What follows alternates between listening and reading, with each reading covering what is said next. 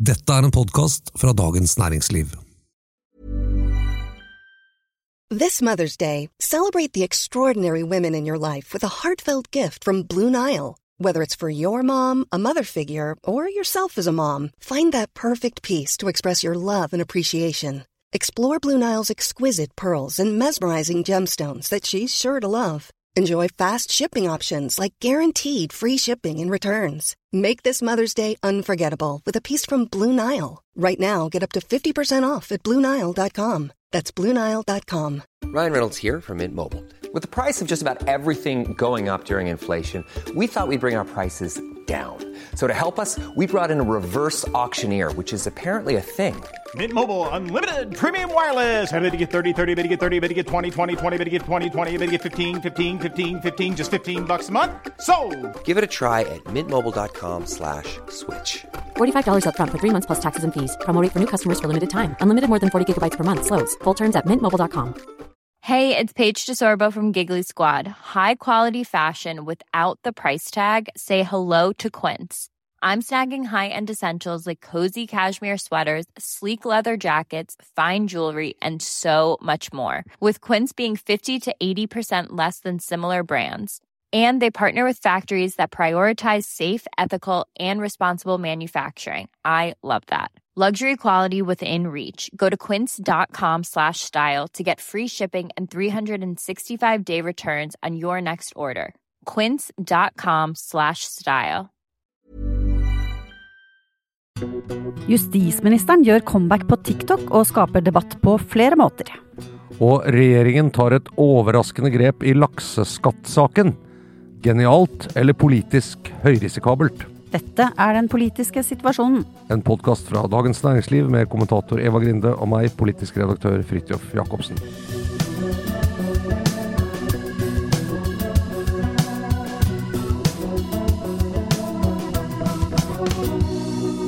Har du sett disse to siste litt omdiskuterte, særlig én, eh, TikTok-videoene fra justisminister eh, Emilie Enger Mehl, Fridtjof? Ja, det har jeg. Ikke på TikTok riktignok, men de er jo Nei. gjengitt uh, overalt. Jeg er ikke på TikTok, det skal jeg innrømme. Nei, og det er av rene kun sikkerhetsmessige årsaker, antagelig. Eller? Eh, ja, nei, jeg Eller er har aldri aldri vurdert det, på en måte. Eh, men eh, men eh, jeg har tenkt at jeg har jo ikke noe der å gjøre, men jeg burde kanskje være der for å følge med på norsk politikk.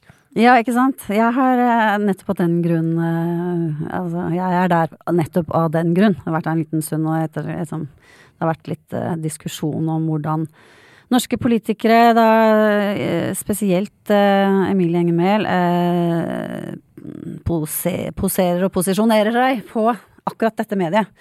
Um, det, er jo, det er jo mange sider av den saken. Det har jo vært en Det har jo vært en kontroversiell sak eh, av rene sikkerhetsmessige grunner.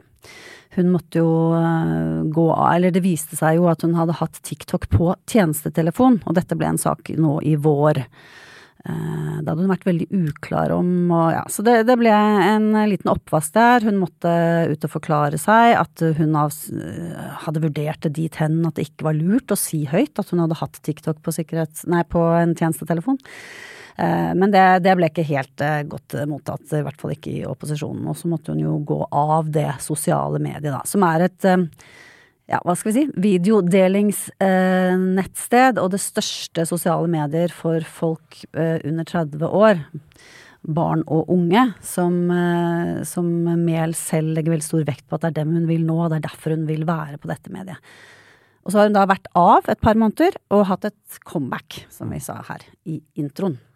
På en telefon som da ikke er den eneste telefonen. Det er det. Så, så da har hun liksom en egen mobiltelefon eh, spesielt til eh, aktivitet på sosiale medier, eller i hvert fall på, på TikTok, som jo er eh, eid av eh, kinesere. Det er derfor det er, eh, det er derfor det er trøbbel knyttet til det. Eh, og det er, det er ikke bare det at det er eid av Kina, men det er også visstnok noe av det mest sånn det eh, sosiale mediet som i størst grad soper inn informasjon da, om brukerne.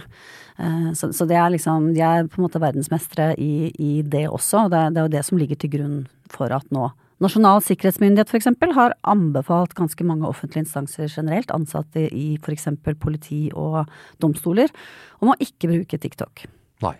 For som mange apper og sosiale medieapper så foregår det jo da bak det som er gøy, nemlig og, og interessant og spennende og sosialt i og for seg, nemlig å dele innhold og være i en uh, form for dialog eller interaksjon med publikum gjennom det. Uh, veldig fascinerende medium, det jeg har sett av TikTok. Jeg skjønner at det er blitt populært. Det er jo et utrolig sånn umiddelbart og gøyalt medium på mange måter. og Det jeg har sett derfra er jo også ganske sånn positivt ladet. Det er veldig bilde- og videodrevet osv. Så.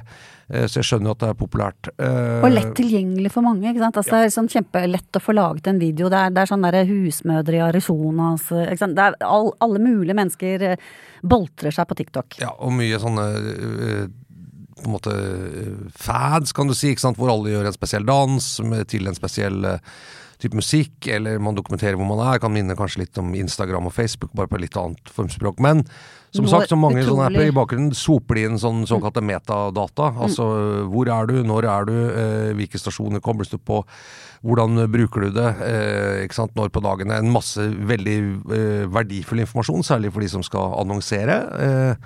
Eh, som egentlig alle som driver digitalt, prøver å få tak i den typen informasjon. Altså, men det er en viss sikkerhetsrisiko hvis man da kan begynne å ut av det lese mønstre, bevegelsesmønstre, ja. kontakter man har med andre osv. Så man er redd for at TikTok kanskje samler inn. og det, det gjør i og for seg også Facebook, Meta og, og Snapchat og andre, men, men ettersom det er kinesere, så er det jo da en lov i Kina om at de i visse tilfeller kan bli pålagt å utlevere disse dataene til kinesiske myndigheter, f.eks. etterretningstjenester som kan brukes der, da. Ja, nå har vi jo noen saker som uh, også i vestlige land og, hvor, og, og de, disse amerikanske selskapene hvor det kanskje også har skjedd i og for seg, men, men Kina er jo vi står jo i et visst spesielt forhold til Kina, er ikke så spesielt interessert i å dele all mulig informasjon med, med akkurat det landet heller. Og så er det jo eh, hakket mer autoritært, eh, mange hakk mer autoritært, må man kunne si, enn ja.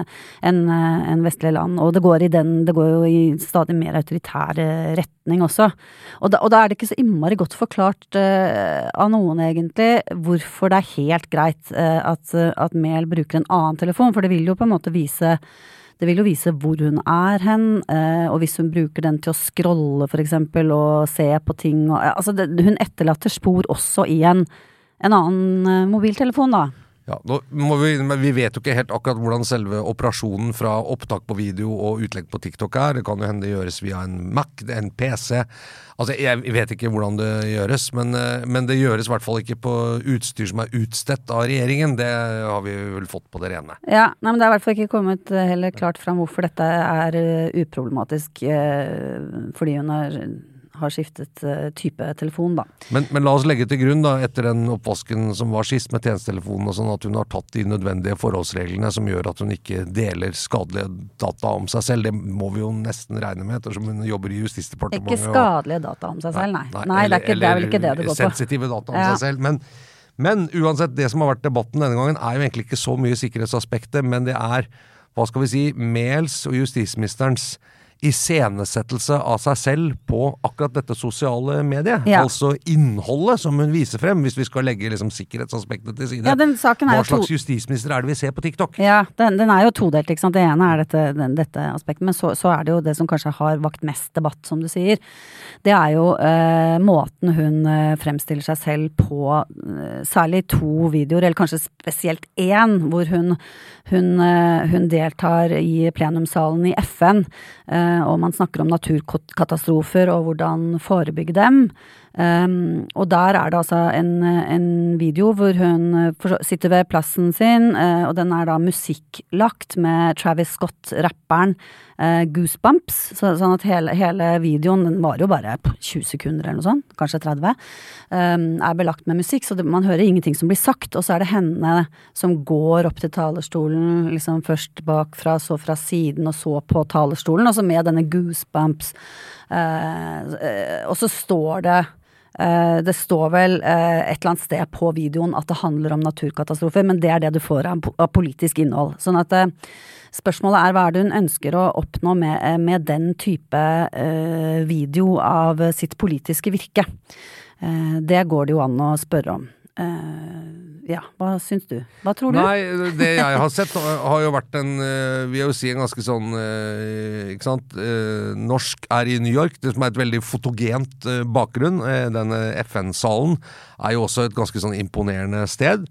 Stå på talerstolen osv. Det er vel også noen bilder av en, et det ser ut som det er en, norsk, en eller annen norsk residens, generalkonsulen, en sånn uh, pent, leilighet høyt oppe i en skyskrape hvor hun står og vifter ja, med flagg på 17. mai osv. Ja. Det, det, er den andre videoen Men med Manhattan Skyline i bakgrunnen osv. Så, videre. så Så det er jo en uh, iscenesettelse, kan du si, av, av det som er visuelt og uh, og litt sånn glamorøst, kanskje, og, og, og spesielt, og som ser stilig ut i et politikerliv.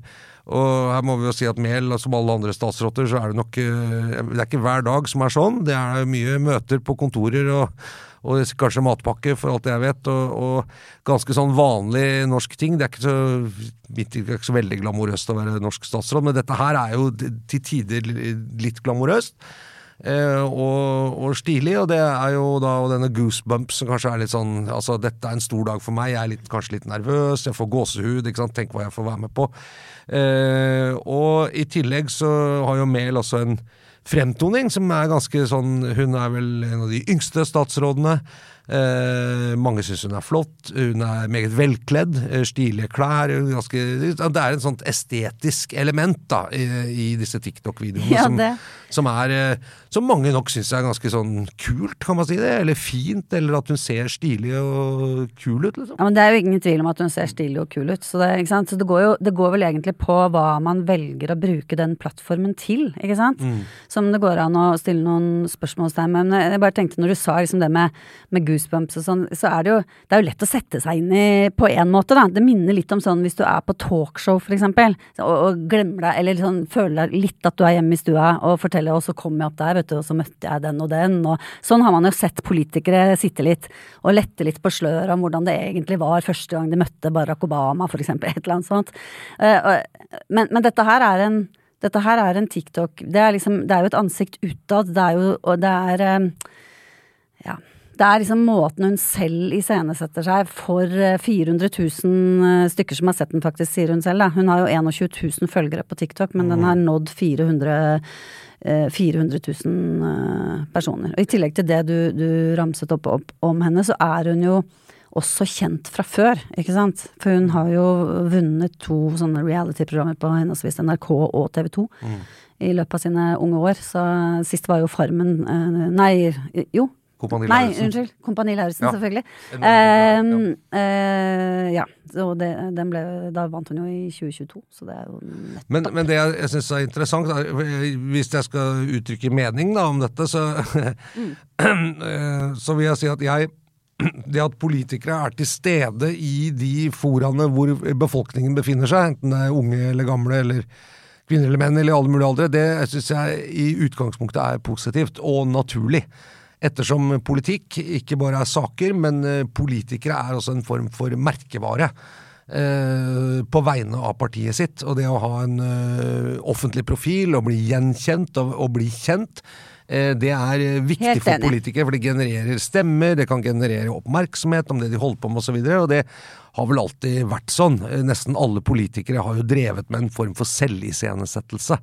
Du gjør jo ikke jobben din hvis ikke du prøver å nå velgerne. Nei, så, så, og dette er jo nye plattformer som jo selvfølgelig det vil jo være nye måter å prøve ting ut på nå da, ikke sant. Og da er det jo gøy å diskutere dem òg. Hva, hva, hva, er styrken og hva er svakheten med denne måten å gjøre det på, ikke sant. Absolutt. Og en av de kanskje aller mest profesjonelle politikerne på en slags, hva skal man si, selviscenesettelse i i i det, digitale rommet, da, som ikke bare har med jobben å gjøre, var jo Barack Obama, mm. eh, som var helt rå på mm. Barack Obama la ut liksom mine leselister for året, min playlist på Spotify, da det var sånn playliste på Spotify var stilig. ikke sant? Hva, hvilken musikk har jeg hørt på i år? Hvor er, er min det, playlist nå? Er lenger? Eh, nei, det var i hvert fall Men da var vel Spotify litt, litt nyere enn ja. det er nå. Nå er det kanskje litt mer selvsagt. Eh, og han hadde jo også en egen fotograf, en glimrende fotograf, får man si, som fulgte han døgnet rundt.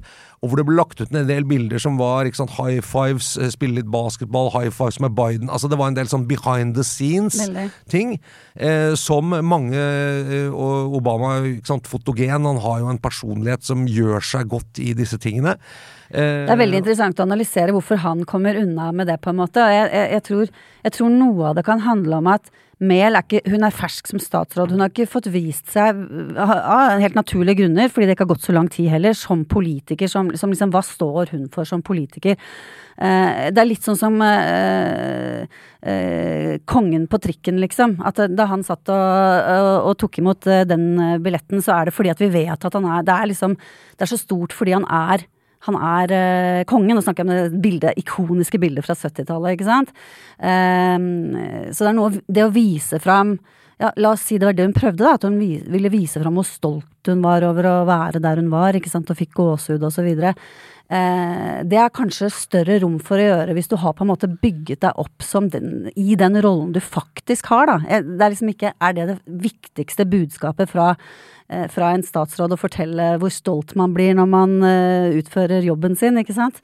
Men, ja. men, at det er mer sånn som at det kommer litt tidlig, det tror jeg faktisk også er en faktor. Ja, det, det, det tror, jeg, tror jeg er rett i det. Mm. Pluss at Senterpartiet og Mehl også har mange politiske motstandere, så det, det vil jo også være en del som vi, vi bruker av den grunn. Men, ja, men vi prøver å se bort fra det, da. Men ja, men det er litt vanskelig i politikken, da. Ikke sant? Ja, oss som kommentatorer kan ja, jo prøve det. Men mm. hvorfor det vekker så stor oppmerksomhet. Mm. Eh, og så er det nok kanskje en generasjonsgreie her, at det er uvant. Men hvis man ser på man, vil jeg, Det vil jeg svare på, bare ja. replikk.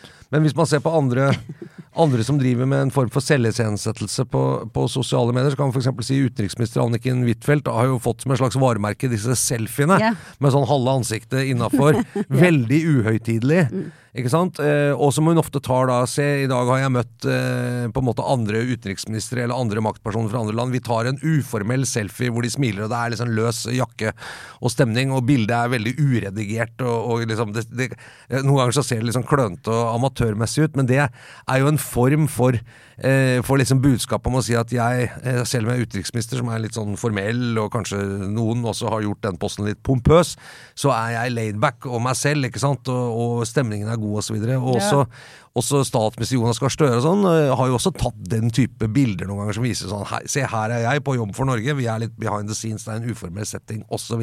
Ja. Eh, men jeg, jeg lurer på så Hvis man skal se sånn prinsipielt på det, så lurer jeg på om du kan forklare hvorfor Hvorfor kommer liksom reaksjonen akkurat på dette? Jeg tror ikke det er den første statsråden jeg har sett som liksom har tatt bilde av seg selv i FN, eller, eller, den type ting. På den måten, da. Nei, eh, og, det der, eh, dette er liksom ung kvinne, og det er derfor, og hun får mye motstand av det, og, og eldre garde skjønner ikke helt dette språket og sånn. Det, det, vil jeg, det, det, vil jeg egentlig protestere litt på, fordi det er klart at uh, unge politikere skal være på de nye mediene som de er vokst, født og oppvokst med, ikke sant. Og du har jo noen som, som virkelig utnytter dette til fulle noen eksempler, f.eks. Eh, amerikanske kongressen, eh, hvor du har Jeff Jackson, eh, en politiker der, og Alexandro Ocasio-Cortez. Begge sånn bruker dette TikTok veldig aktivt, men veldig sånn De viser fram at de, altså de snakker om saker og hva de brenner for, og hva de syns har gått gærent, og hvorfor, og ikke sant. Altså, jeg bruker det til å være politiker, da. Mens jeg syns eh, den type av de, de, to videoene som vi har som eksempel her, da, jeg må også legge til i rettferdighetens navn at Mel har laget mange andre videoer og er på sosiale medier også på mange andre måter. Så vi bruker jo dette mer som et eksempel.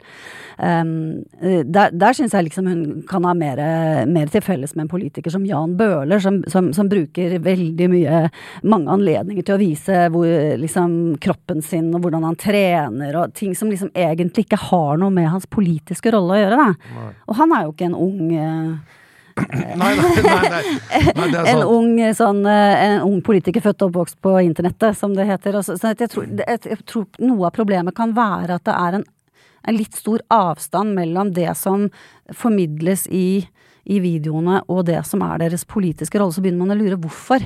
Hva er, det, hva er det, som skal oppnås med dette? Du, du, blir, du, får ikke masse muskler av å bli eh, Senterpartipolitiker i Indre Oslo øst, liksom. Du, det er jo ikke Ikke sant? Nei. Det er ikke det som egentlig er livet. Nei, men, og du men, får ikke stå på et tak eh, nødvendigvis og, og vifte med Men, men det, det syns jeg er interessant. Men, men, likevel så er det et eller annet her som skurrer litt på det prinsipielle. Jeg tror en, en hendelse i Jens Stoltenbergs statsministerperiode. Da Jens Stoltenberg ble statsminister i 2005, eh, så flyttet han jo ganske raskt inn i denne nybygde statsministerboligen bak Slottet. Som er en veldig flott bolig, og den er, liksom, den er veldig residens. altså Den, er, den utstråler på en måte makt og myndighet og, og luksus på mange måter. Og det var Kjell Magne Bondevik som sørga for at denne ble bygd i sin tid, men, men han fikk jo aldri bodd der selv, eh, dessverre for han. Eh, men nå er den jo blitt et sånt sted, sånn statsministerboligen. Og det var så veldig mye sånn hvordan ser det ut der, hva slags design, det er verdige omgivelser osv. Nå, nå bruker jo statsministre den til en del ting som de før ville brukt i mye mer sånn normale pressekonferansesentre, Marmorsalen, eller, eller sånn hvor man har sett mange av disse koronapressekonferansene, men det er liksom parkettgulv og flotte ting. Og da eh, husker jeg Jens Stoltenberg til å begynne med utpreget saklig, eh, arbeidsrelatert eh, politiker som kun liksom var i kontakt med offentligheten når det handlet om politikk.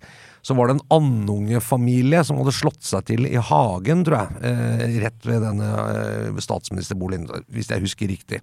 Og på et eller annet tidspunkt så skulle de krysse gaten og gå over til Slottsparken for å gå ut i en av de dammene i Slottsparken.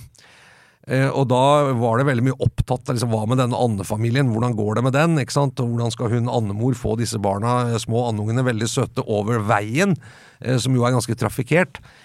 Og da ble det, trafikken stoppet ikke sant, av politiet, og de ble eskortert over sånn. Dette, Var dette på TV? Ble det lagd en sosiale medier-historie om. Ja, ja. Eh, hvor det plutselig ble at Jens Stoltenberg var opptatt av dette. Det var helt nytt. Det hadde jo ingenting med politikk å gjøre, men det var liksom et blikk inn i livet. Og så husker vi jo alle disse med sildesalaten til Thorvald og, som lages i jul og sånn, som er utpreget privat, og som er, ikke har noe på en måte med det politiske å gjøre. Men det syns alle bare var er- veldig stilig, liksom. Ja, men der tror jeg litt tilbake til det der eh, med at det er en kontrast, da. Hvis du bare driver med andunger, eller bare har sildefrokoster, Ja. ikke sant, så, så blir Eller bare, bare tar trikken, Mm. eh, så, så blir det liksom ikke den Det blir ikke den effekten. At du liksom kommer inn først som liksom persona.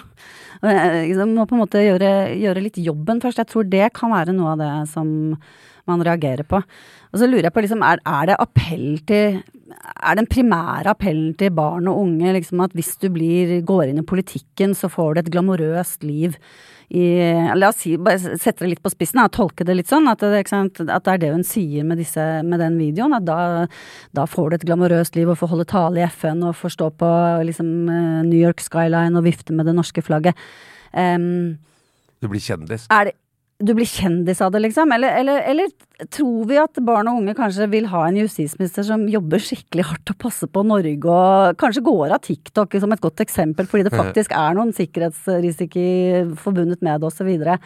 Jeg, ja, jeg heller jo til det siste, da, som du kanskje hører. Ja. Ja. Det, det, det viser i hvert fall at eh, den der balansen med uh, selviscenesettelsen av liksom en offentlig figur, gjerne noe som man tror har appell hos eh, folk, eh, og balansen over i å på en måte eh, dyrke frem kjendisaspektet ved å være en kjent politiker, framfor å være eh, bare fokusert på politiske saker osv. Det, er- det er en balansekunst. Jeg, jeg tror, eh, hvis, hvis eh, man skal tenke at Mehl har gjort en kjølig vurdering på dette, hvis du skjønner. Og når hun da i tillegg sier at etter å ha vært av TikTok pga. sikkerhet, så er det et mål for meg å komme på igjen, så vil kalkylen være jeg tjener mye mer på dette.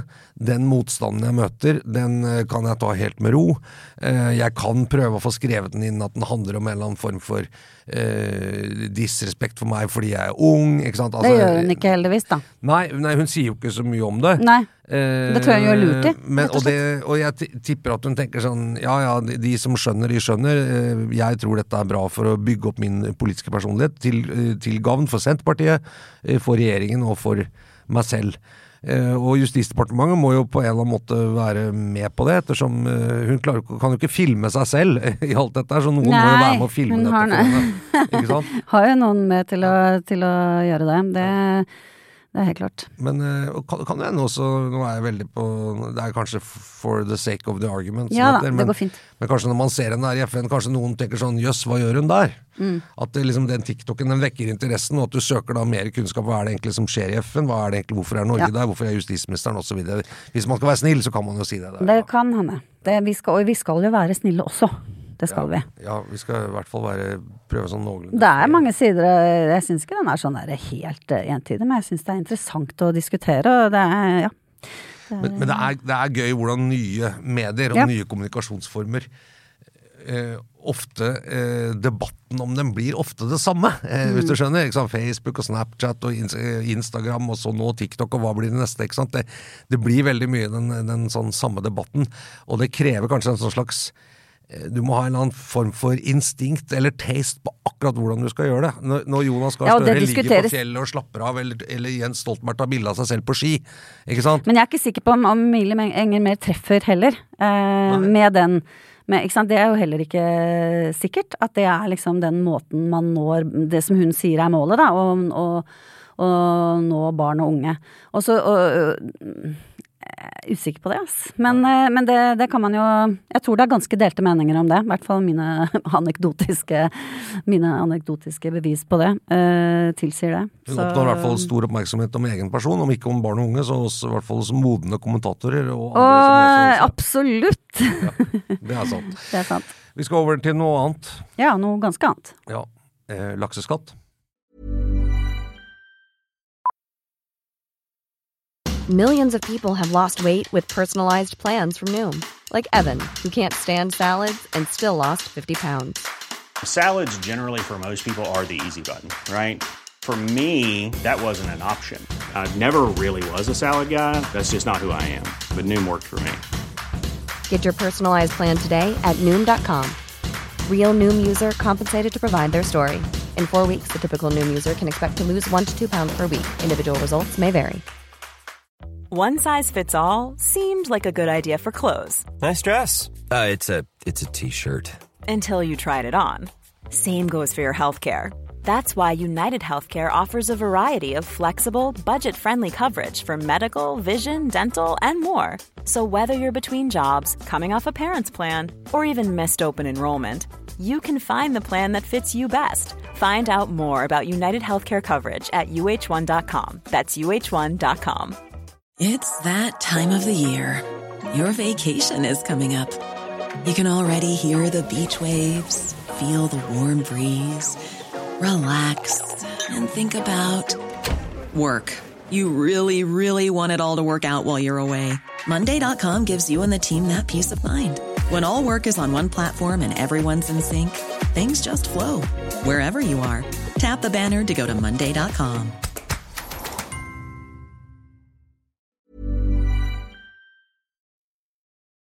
Ja, der Et skjedde det ting. tema i denne podkasten, og for Dagens Næringsliv eh, helt siden ja, Ja, i fjor høst. Ja, Ja. det har jo vært en Og så før det igjen, med utvalget osv. Men nå begynner jo dette her å lande. Vi får en lakseskatt, eller grunnrenteskatt på havbruk, som det heter. Det er det det heter. Eh, og eh, her var det altså slik, bare for å rekapitulere litt, eh, det kom et forslag eh, i utgangspunktet som man husker på denne pressekonferansen på Blåfarveverket oppe på Modum, om at det skulle være en 40% sats på grunnrenteskatt. eh, Men med et eh, slags minsteomsetning, altså slik at små produsenter ikke kvalifiserte for det, måtte ha omsetning over en viss størrelse. Over for å 70 komme millioner, Ja. tror jeg det var. Og det var, ja, altså dette er sjømatnæring vi snakker om, da. Og så ble det Og dette er altså, altså spesielt den delen som går på å, å ha øh, laks, da, stort sett, eller annen Ja. fisk i sjøen, hvor den vokser seg stor Ja. og kan slaktes. Det går ikke på slakteriene og det som skjer på land, det er akkurat det når man bruker havet. Som er vår felles ressurs, ikke sant. Og derav eh, ideen om, om eh, lakseskatt. Eller For, men 40, grunnrenteskatt. 40 er, en, er en, en nøkkeltall. Mm. Så ble det som forventet veldig mye styr om dette. Masse motstand, eh, særlig i bransjen, laksebransjen. Aksjene falt. Eh, Mange lokalsamfunn hvor dette er en viktig arbeidsgiver reagerte, osv. Forslaget var på høring. Eh, Og her foregår det da ikke sant, en stor interessekamp og mye påvirkning osv., som det gjør og skal gjøre i høringsprosesser. Så kom de ut med et eh, revidert forslag hvor skattensatsen var senket til 30, 35 Eh, og så var det noen andre justeringer, og så viste det seg at dette forslaget her eh, kunne, var, kanskje ikke an til å klare å samle flertall på Stortinget. Eh, selv ikke med noe redusert sats, eh, fordi Høyre sa vi er ikke med på noen ting.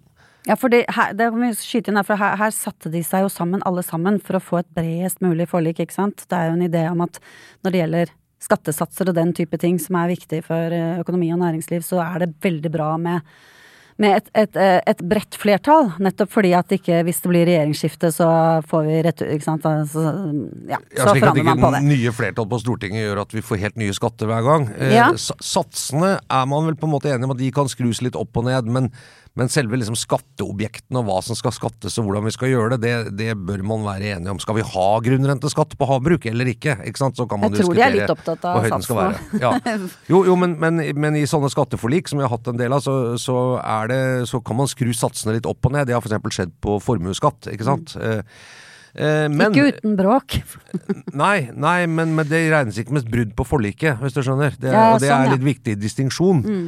Men Høyre har jo sagt at de vil ikke være med på grunnrenteskatt på havbruk i det hele tatt. Så, og de har til og med lovet at hvis de får makt og flertall etter neste valg, så skal det reverseres, så skal den fjernes, og, og man skal tilbake til en annen type beskatning av denne næringen. Da. De har jo vært liksom veldig De har vært uklare på det òg, syns jeg. De har jo vært litt Nja, vi kan jo kanskje ha lite grann Nei, vi kaller det noe annet, da. Enn grunnrenteskatt og så videre. Kan, ja, det, det har vært mye ull fra Høyre. Ja, land, jeg syns landsmøtet til Høyre var rimelig klart på det, da. Og det i hvert fall, ble nok oppfattet som et løfte, og så får vi se om det skjer. Men etterpå, i intervjuer og sånn, så har det liksom vært litt sånn ja.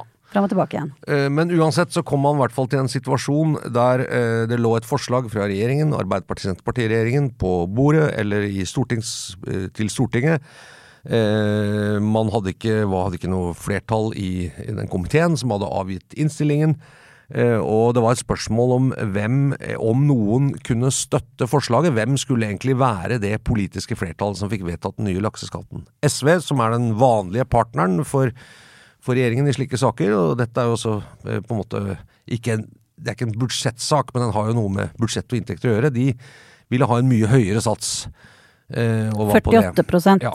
Og, og Venstre og, det, ja, så endte det altså med at Venstre og eh, enmannsgruppen Pasientfokus fra Finnmark sikret et hårfint flertall på Stortinget for at man fikk en skatt, men da var prosenten endte på 25, gjorde den ikke det? Eller? Jo, 25. Ja. Og så var det i tillegg noen et annet ikke helt eh, det, det sier jo litt, altså skatten gikk fra 40% til 25 eh, i denne runden. Det er jo en ganske stor reduksjon. Eh, og det andre var at eh, det såkalte verdsettelsesgrunnlaget for den formuen man har hvis man eier oppdrettsanlegg eh, privat, altså ikke som aksjer, men at det er et familieselskap, Ja. Mm. der får man 75% rabatt når verdien av det skal bestemmes og føres inn i, i selvangivelsen. ikke sant? Og Det betyr jo at man da får mindre formuesskatt på, på dette. Ja, rabatten gikk fra 50 til 75% så det også kan gjøre Og det handler jo liksom mer om det, det totale skattetrykket på næringen. Det har jo i og for seg ingenting med grunnrenteskatten å gjøre. Men um, Ja, I hvert fall på de oppdretts- og havbruksselskapene som ikke er børsnotert. Altså hvor Mm. du rett og slett eier eh, sant, selskapet selv, eh, eller at det Ja. ikke er på børs. da. Men eh, ja, det er, jo, det er jo ganske bra sted. Altså, Det som skjedde var jo at eh, sant, de seg sammen alle partiene og skulle prøve å finne ut dette. Og så først røyk Frp ut, og så gikk Høyre og alle sammen nei, nei, jeg kan ikke være med på dette i det hele tatt. Eh, og så var det jo snakk om at regjeringen skulle sette seg ned med SV, ikke sant. Det gjorde de òg. Litt parallelt med å snakke om revidert. Jeg vet ikke hvordan de hoppet fra det ene møterommet til det andre. Men og, og akkurat hvordan det foregikk. Men så kom jo da nyheten om at nei, Regjeringen har tydeligvis vært på møter med andre også, nemlig Venstre og Pasientfokus. mm. og, og da sikret et knappest mulig flertall for eh, en grunnrenteskatt på 25% som jo er det må, Hvis man ser liksom alt tatt til betraktning, så er jo det et ganske sånn kraftig kompromiss. Ja. Eh, ikke sant? Eh, sånn at eh, Jeg kan jo skjønne at SV er litt sure. Eh, de er jo på en måte hoppa bukk over her. Eh? De, de gikk jo inn i forhandlingene og ville ha 48% skatt pluss ganske strenge miljøtiltak og en del andre ting også, som, som de ikke er fornøyd med i det hele tatt. Eh, Så de varsler jo liksom at dette skal vi ta omkamp på når, når det kommer til budsjett for neste år, da. Til høsten igjen, for 2024. Mm. Og så har du Høyre. eh, og liksom det, det som jeg liksom har fått med meg av det som er deres protest nå, er at det er dårlig gjort av regjeringen å skape uforutsigbarhet eh, eh, fordi at SV kan komme til å skru dette opp igjen. Men altså, de kunne jo valgt å si at eh, ok, så langt kommer vi, vi blir med på dette kompromisset, så ville ikke det vært den store risikoen da. Ja, Det er litt tynn begrunnelse. Det, det, når vi snakket om det var liksom en genistrek eller et høyrisikabelt eh, Ja. spill i toppen, så er det jo fordi Eh, eh, man kan kalle det en genistrek fordi de har fått Venstre med på det.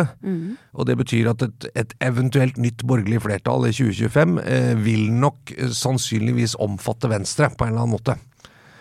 Eh, og Ja. klanen Høyre da gjøre alvor av sitt løfte om å reversere og fjerne grunnrenteskatten igjen, når det er en skatt som Venstre har stemt for, det blir jo vanskelig. ikke sant? Det er jo, så dermed så har man jo, selv om ikke man har noe bredt forlik, så har man liksom sørget for å ha en stakeholder på borgerlig side, som er kanskje en form for garanti, oppfatter man i hvert fall, for at denne skatten blir stående også med et nytt borgerlig flertall i 2025.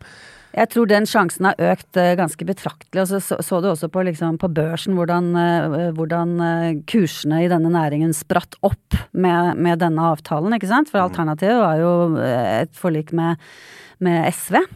Som jo ville vært eh, verre for næringen. Eh, Og det er to år til valget, og hvis næringen på en måte slår seg til ro på et eller annet mer eller mindre vis med denne 25 %-skatten, eh, og økonomer sier jo nå også med den, eh, den svake krona, så er det jo veldig lønnsomt i den næringen nå, hvis man legger en 25 eh, grunnrenteskatt til grunn. Eh, Så spørs det om Høyre liksom tar den Hvis det på en måte lander, da, som, som jeg syns det kan se ut som at det kan gjøre. Jo, også det risikable er jo da man, man bryter med SV. Man parkerer Ja. SV. Og, Og der hva, var mitt hva slags i hevn får man da? Jo, men Mitt inntrykk var jo at eh, SV gikk ut med et høyt krav om 48% men, men så vidt jeg forsto, så det var et forhandlingsbart krav. Ja. Eh, og kanskje SV kunne gått med på 35 som var da forslaget fra regjeringen. ikke sant? Til og med kanskje enda lavere, har jeg fått inntrykk av. ja, Men, men, eh, i vet ikke. Mm. Bytte mot noe annet, eh, i, i, i revidert for eksempel. Altså det man kaller en veksling. Mm. Eh, vi setter opp en sak eh, som et parti hvor vi liksom går veldig høyt ut og sier at denne må vi vinne, så taper vi den forhandlingen, men da skal vi ha noe igjen et helt annet sted. Eh, ganske vanlig forhandlingstaktikk mellom en mindretallsregjering eh, og, eh, og, og det parlamentariske grunnlaget man har. Også ganske vanlig forhandlingstaktikk internt i en flertallsregjering. Senterpartiet er jo mestere i dette, alltid vært. De, de tok veldig høye posisjoner ofte på saker før som ikke var langt utenfor deres, hva deres velgere som brydde seg om. Nettopp bare for å si at ok, hvis jeg taper denne, så må jeg vinne neste. ikke sant? Altså En ganske sånn vanlig give and take-ting.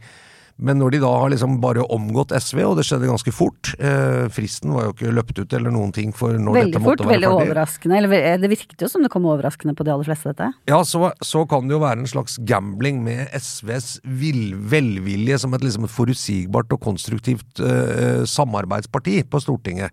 For hvis SV nå sier eh, dere vil liksom bare bruke oss når det passer dere, eh, og når det er muligheter for at vi må være med på noe som vi kan få noe igjen på etterpå, så går dere bare et annet sted og henter et annet flertall. Da er det litt brudd på denne eh, på en måte innforståttheten vi har om at vi er samarbeidspartnere. Ja. Og det kan bli surt. Ja, det kan bli surt, men så samtidig så tenkte jeg nå at det er litt interessant at dette er jo et eksempel faktisk på at de kjører den derre slalåmen som man snakket litt om, da. Ikke sant? Henter inn eh, flertall litt her og der, alt ettersom hva som kan eh, Ja, men de har vel kan ikke passe. gjort det før dette? Nei, men det er det jeg mener. nei. Som et første, da. Så- Så, så- hva så- det vil føre til er jo interessant, ikke sant. Så tenker jeg at Høyre, som nå virker litt sånn trompete og vanskelig å ha med å gjøre og skal liksom De har jo, de har jo mye å tjene på å stå på sitt, selvfølgelig. Fordi at eh, de, bedriftene, selv om de kan greie seg med 25 selv om det kan gå, og de kan tjene ganske mye penger, så, så vil de jo alltids ønske at den blir fjerna. Sånn at hvis Høyre står på det til, jeg vet ikke, til eh, i to Jo, jo. år til, ikke sant, så vil det Jo, det er sant, men det blir jo svakere hvis de skal si ja, vi lover å ta vekk denne Ja, hvis skatten. den Og si ja, men dere skal regjere med Venstre, hvordan skal du få til det? Ja, Hvordan det, du det er noe annet, men Det jo- også, også hvis det reelt sett går Ja. fint med næringa, liksom.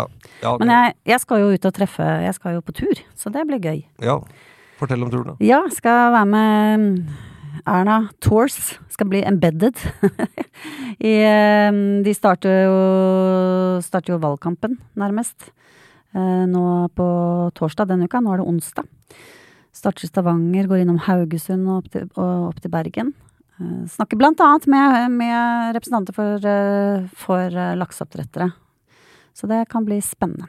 Ta litt Det er en sånn busstur langs eh, E39 som Ja. heter. Du har vært på det før, så det er du som kan fortelle om hvordan dette er. I- Jeg er newbie som vanlig.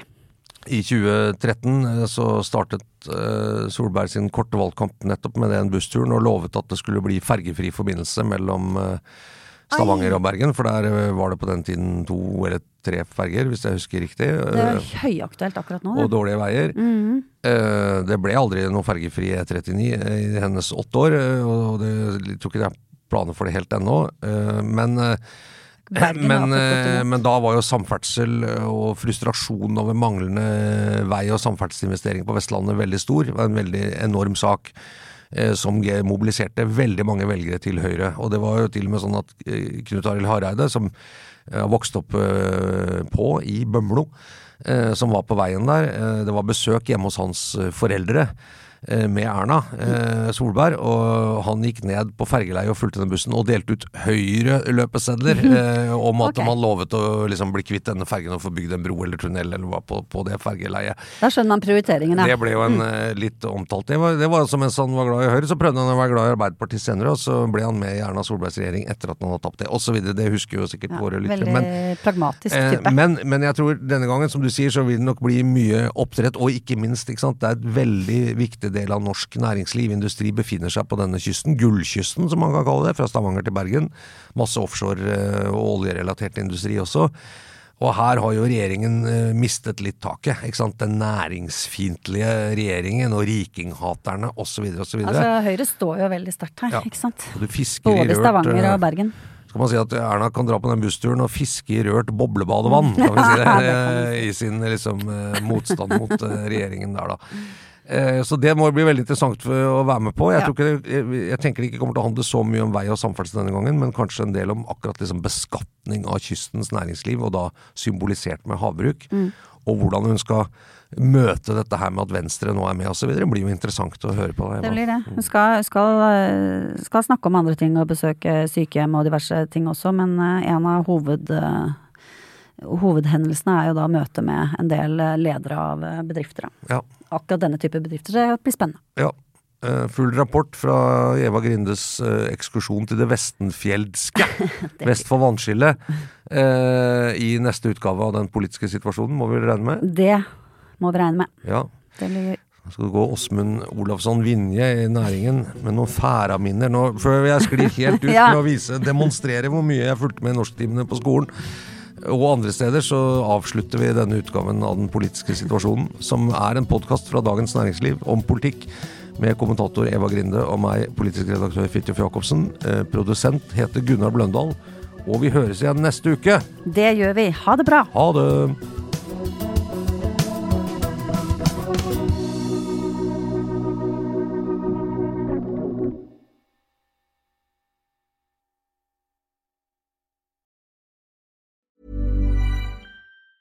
Hey, it's Danny Pellegrino from Everything Iconic. Ready to upgrade your style game without blowing your budget?